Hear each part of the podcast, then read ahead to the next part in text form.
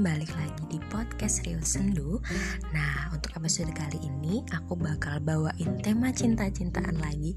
Tetapi uh, semoga hal ini bermanfaat Karena ngelihat dari insight teman-teman itu Selalu tertarik dengan tema-tema cinta.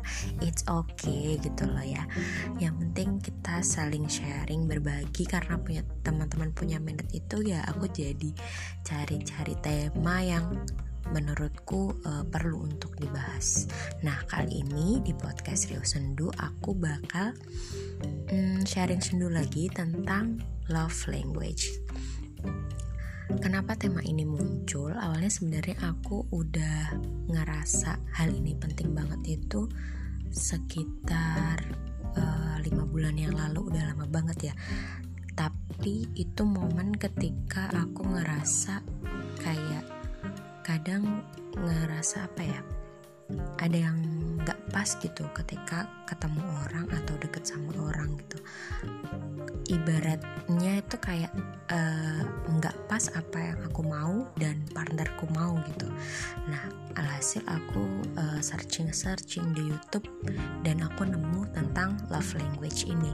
Jadi love language ini sebenarnya adalah bagaimana uh, perasaan orang uh, atau gimana ya bahasnya yang enak dimengerti jadi love language itu adalah bentuk cinta dari seseorang atau seseorang itu akan merasa dicintai dengan apa karena setiap orang itu punya karakter yang berbeda-beda.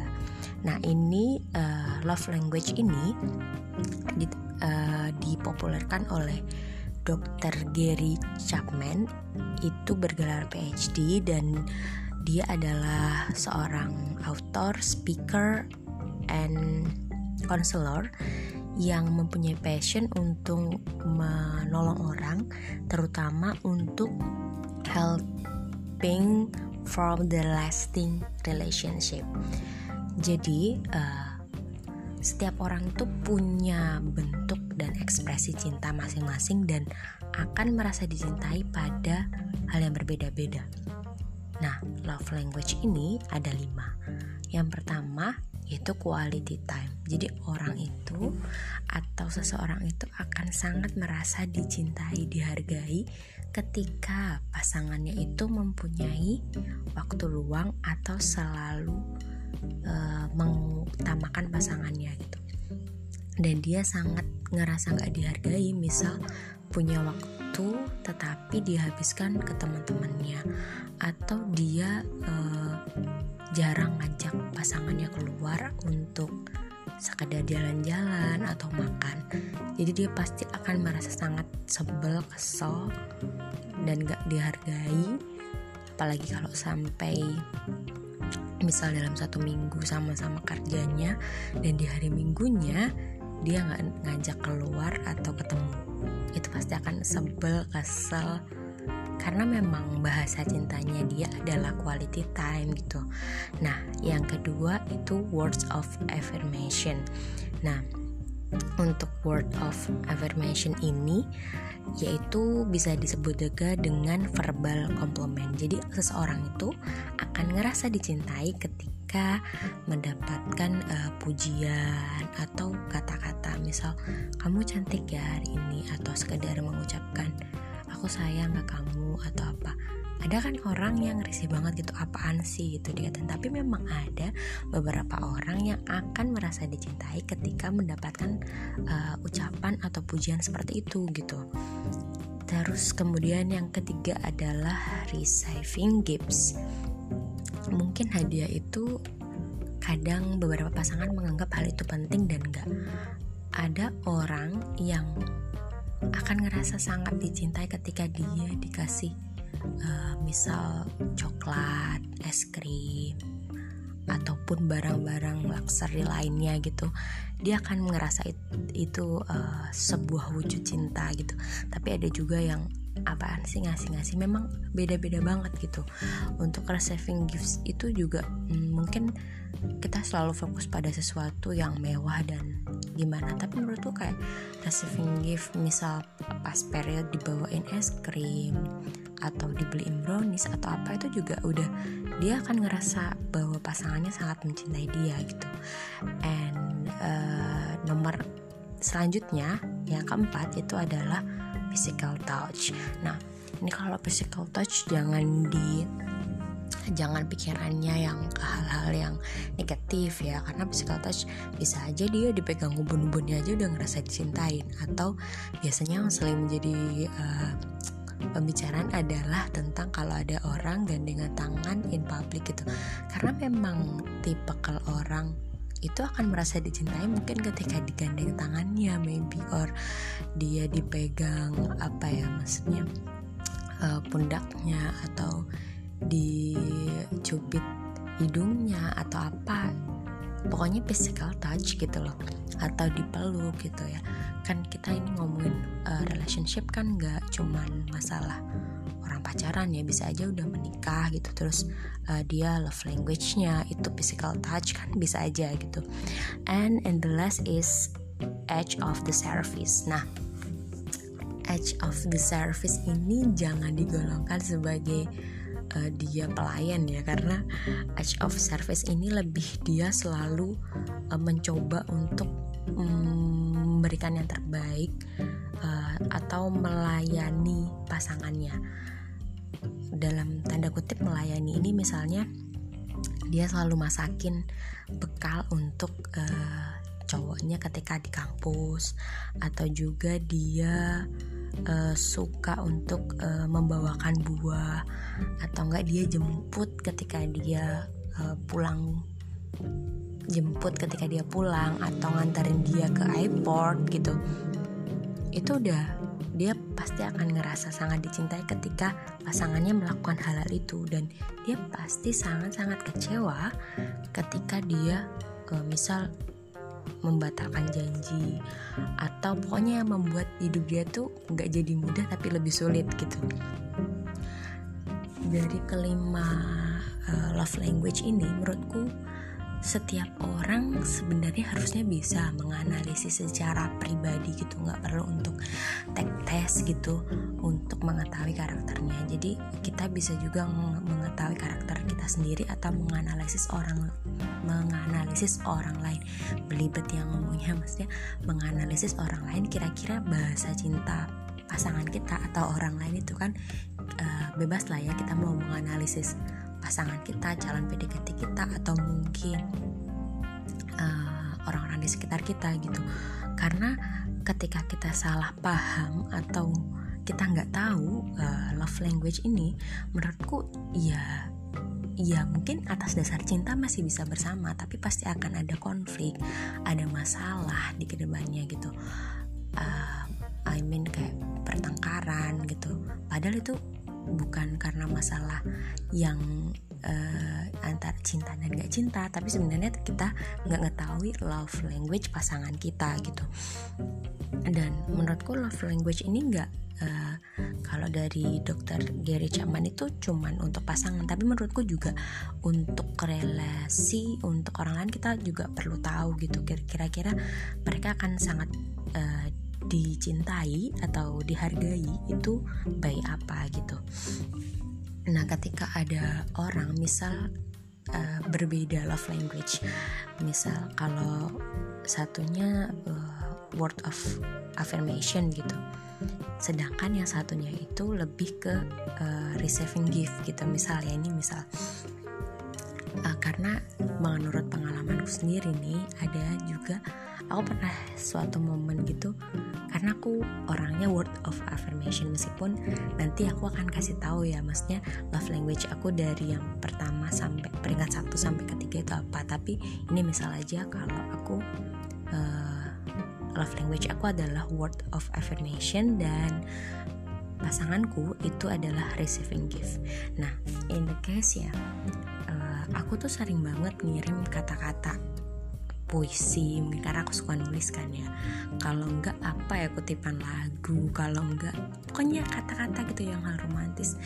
And uh, hasilnya adalah karena pasanganku nggak ngerti mungkin love language aku itu atau mungkin memang apa ya nggak usah dalam-dalam mengerti love language ya karena dia bahasa cintanya emang nggak itu. Jadi menurut dia kata-kata semanis itu seromanis itu atau puas itu tuh kayak ya udah be aja cuman kata-kata itu. Jadi kayak in the moment dia nge-reply-nya tuh kayak nggak yang aku harapin kayak aku mendapatkan apresiasi gitu kayak ngerasa nggak dihargai gitu. Padahal memang ngerasa nggak dihargainya karena ya dianya juga nggak ngerti love language aku ternyata ketika aku ngasih uh, kata-kata itu sebenarnya itu tuh mewujudkan perasaanku gitu. Dulu mungkin aku nggak berpikir sedemikian rupa kayak mikirnya tetap gila ya gak dihargain banget udah ngetik panjang-panjang gitu. Misalnya zaman SMP atau SMA gitu kan sering kan ya kalau lagi PDKT gitu ngirim lirik lagu atau bikin puisi atau apalah gitu terus pasanganku misal receiving gift. Sedangkan aku tuh mikirnya ya udah aku kasih kata-kata aja aku kasih kirimin puisi. Aku ngerasanya kayak hal itu tuh bisa bikin dia meleleh atau gimana. Ternyata dia sukanya lebih ke receiving gift. Misal uh, in anniversary aku bawain coklat atau aku beliin hal-hal yang dia suka meskipun itu simple kayak apa ya coklat atau muk atau apa ternyata dia lebih appreciate gitu. Pas itu tuh aku ngerti juga masih aku paham oh ternyata dia uh, sukanya bukan kata-kata yang aku ketik panjang sampai jarinya mimir karena kan dulu kan belum android kan ya masih yang apa QWERTY kali ya gitu tapi aku masih nggak ngerti tentang maksudnya bahasa tentang love language cuman bisa mengira-ngira. Jadi di sini kayak aku ngukurnya mungkin teman-teman juga sebenarnya sudah bisa untuk mengukur dirinya sendiri atau pasangan tapi cuman mungkin nggak ngerti istilah-istilahnya ya. Nah mungkin gak sih orang yang punya love language berbeda itu bisa bisa mempunyai hubungan yang baik? Kalau dari perspektifku sendiri mungkin bisa mungkin bisa mungkin enggak gitu. Mungkin bisanya karena ketika seseorang itu menurutku dua orang sama-sama ngerti dan paham tentang love language gitu dan bisa beradaptasi dengan love language yang berbeda dan mau mengerti tentang apa love language pasangannya itu bisa banget. Karena apa sih yang nggak bisa gitu asal kita usaha dan kita benar-benar udah tahu. Misal kita tahu bahwa pasangan kita tuh uh, love language-nya ternyata act of service gitu. Sedangkan kita sebenarnya bahasa cintanya adalah word of affirmation.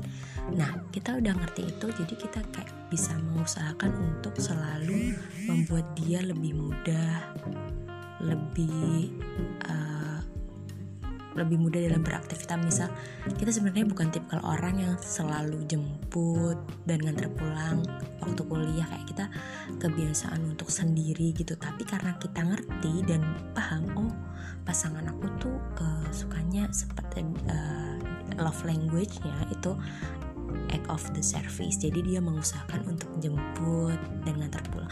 Bukan supir ya ini tapi ya ini kita lagi ngomongin uh, love language. Tapi ini contoh aku emang kayak mengarah ke situ gitu ya. Aduh enggak ya.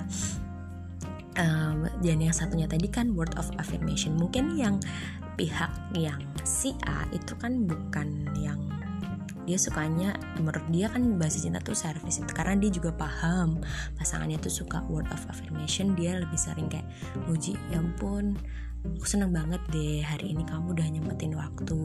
Jadi lebih bisa mengapresiasi gitu. Terus tadi yang kemungkinan kedua adalah nggak bisa. Nah ini mungkin pengalamanku sendiri. Kenapa ya? Kenapa dengan hubungan-hubungan sebelumnya itu sering berakhir walaupun hubungannya udah tergorong lama? Nggak usah disebutin berapa lama intinya lebih dari setahun gitu. Dulu kayak aku nulisnya apa ya? Karena kan ya kalau kita ibaratnya evaluasi jadi kan yang dievaluasi itu bukan hanya uh, kegiatan kampus ya tapi hubungan juga perlu dievaluasi ketika sudah berakhir gitu. Ternyata memang love language aku tuh berbeda sama si exku gitu. Dan buruknya adalah ketika kami berdua tidak bisa saling mengusahakan untuk menemukan titik love language aku dan dia gitu biar tengah-tengah gitu. Nah itu yang aku bilang kenapa kadang berbeda love language itu sangat-sangat susah. Karena uh, perlu aku bongkar bahwa love language aku yang pertama adalah quality time. Dan itu artinya aku sangat-sangat sulit untuk menjalani hubungan LDR gitu. Sedangkan pasanganku itu adalah uh, dia lebih ke receiving gift sih. Dan aku tuh nomor satunya itu jadi aku bacain tiga utam tiga urutan dari love language diriku sendiri ya. Yang pertama itu quality time yang kedua tuh word of affirmation dan yang ketiga baru receiving gift. Sedangkan pasangan aku itu word of affirmationnya itu ada di nomor yang paling bawah yaitu nomor 5 aku nggak bacain sampai 5 ya punya aku tadi. Um, jadi sangat-sangat susah untuk menemukan titik itu gitu. Apalagi untuk quality time. Sebenarnya quality ini tuh kayak sempat menjadi dilema dalam diriku gitu loh. Kenapa aku tuh selalu merasa sangat kecewa? Misalnya kayak dia batalin buat ketemu tuh aku udah ngerasa kayak ah nggak ngerasa dihargai gini. Padahal kan masalah ketemu kayak mis dari pihak exku pasti bilang kan ketemu bisa digeser bisa lain hari gitu. Tapi di situ the moment pasti kalau uh, kayak uh, batal itu uh, rasanya kecewa kayak ngerasa nggak dihargai dan sebagainya gitu. Karena memang love language aku yang pertama itu quality time gitu. Endingnya adalah ketika sama-sama nggak bisa nemu di tengah yaitu bertengkar, bertengkar, bertengkar dan tetap pada koridor permasalahan yang sama yaitu kita tidak bisa menemukan love language dan tidak bisa untuk mengusahakan menjadi love language yang sama gitu. Jadi mungkin teman-teman ada yang udah uh, katakanlah punya hubungan more than uh, one years tapi kok ada problem ya kok makin ngerasa nggak dihargai gitu. Jangan buru-buru untuk menyalahkan pasangan coba dievaluasi coba untuk di uh, apa ya karena percaya banget bahwa suatu hubungan itu kalau ada kesalahan itu bukan kesalahan satu pihak tapi pihak lainnya juga. Mesti pihak lainnya itu bukan pihak ketiga ya maksudnya uh, pasangan kita gitu. Coba untuk diketahui kira-kira love language kalian tuh gimana gitu. Jadi ini bukan ramalan cinta ya tapi apa menurutku seni komunikasi aja bagaimana kita mengkomunikasikan cinta gitu. Meskipun aku jomblo gitu boleh dong aku uh, sharing tentang love language gitu kemudian apa lagi ya? Ya tadi karena karakterku quality time itu yaitu sangat kerasa nggak dihargai ketika dia membatalkan janji. Apalagi aku sangat susah untuk LDR walaupun itu cuman beda kota gila. Nggak bisa. Nggak bisa. Terus dia bukannya quality time tuh kayak aku minta apa ya tiap hari ketemu. Nggak juga sebenarnya. Cuman permasalahannya dulu adalah dulu apa sekarang ya? Itu uh, misal nih misal nih misal uh, kalian beda kota bisa ketemunya hari minggu doang karena yang hari lainnya mungkin kerja gitu. Dan di satu hari itu kan pasti harus bagi waktu ya buat buat acara pribadi dan juga pasangan gitu. Tapi misal dia lebih uh, ada janji sama temennya tapi nggak keluar sama kamu sedangkan dalam satu satu minggu tuh libur itu juga bakal bertengkar gitu. Karena love language aku tuh quality time meskipun quality time tuh ya cuman sekadar ngobrol makan kayak atau nemenin dia beli apa itu udah kayak menurutku udah udah apa ya ngerasa ini banget gitu. Dan menemuin love language yang sama tuh ternyata nggak harus sama pasangan gitu kita. Kalian bisa nemuin loh temen yang love language-nya sama gitu. Jadi jadi uh, jatuhnya nyaman aja gitu. Nah uh, teman-teman semua kalau mau uh, apa ya kalau belum bisa menganalisis kira-kira love language kalian apa itu nanti aku bisa uh, kasih di uh, di description dari podcast ini uh, website yang bisa teman-teman akses untuk mengetahui uh, urutan love language kalian. Jadi nanti uh, dalam bentuk presentasi dari persentase maksudnya kok presentasi dari uh, kelima dari love language ini. Dan menurutku uh, kalaupun kita mau menikah atau kita perlu banget deh ngetahuin ini gitu. Jangan sampai setelah um, pertengkaran pertengkaran pertengkaran kita baru menelusuri love language yang apa. Itu kayak menurutku agak late banget sih. Mending kita tahu. Jadi kita bisa untuk menyesuaikan uh, pasangan kita agar pasangan kita juga nyaman uh, nyaman artinya kayak mereka akan merasa dicintai dengan apa kita tahu dan pasangan kita pun tahu kita akan merasa dicintai lewat apa gitu.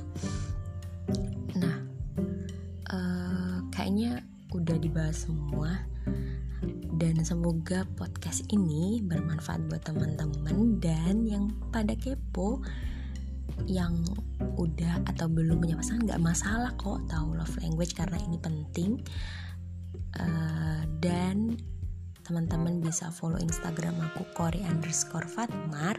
Terima kasih buat teman-teman yang udah dengerin podcast aku. Nantikan juga podcast-podcastku lainnya dan jangan lupa untuk dengerin podcast-podcast lainnya selain ini. Terima kasih, selamat malam dan sampai jumpa.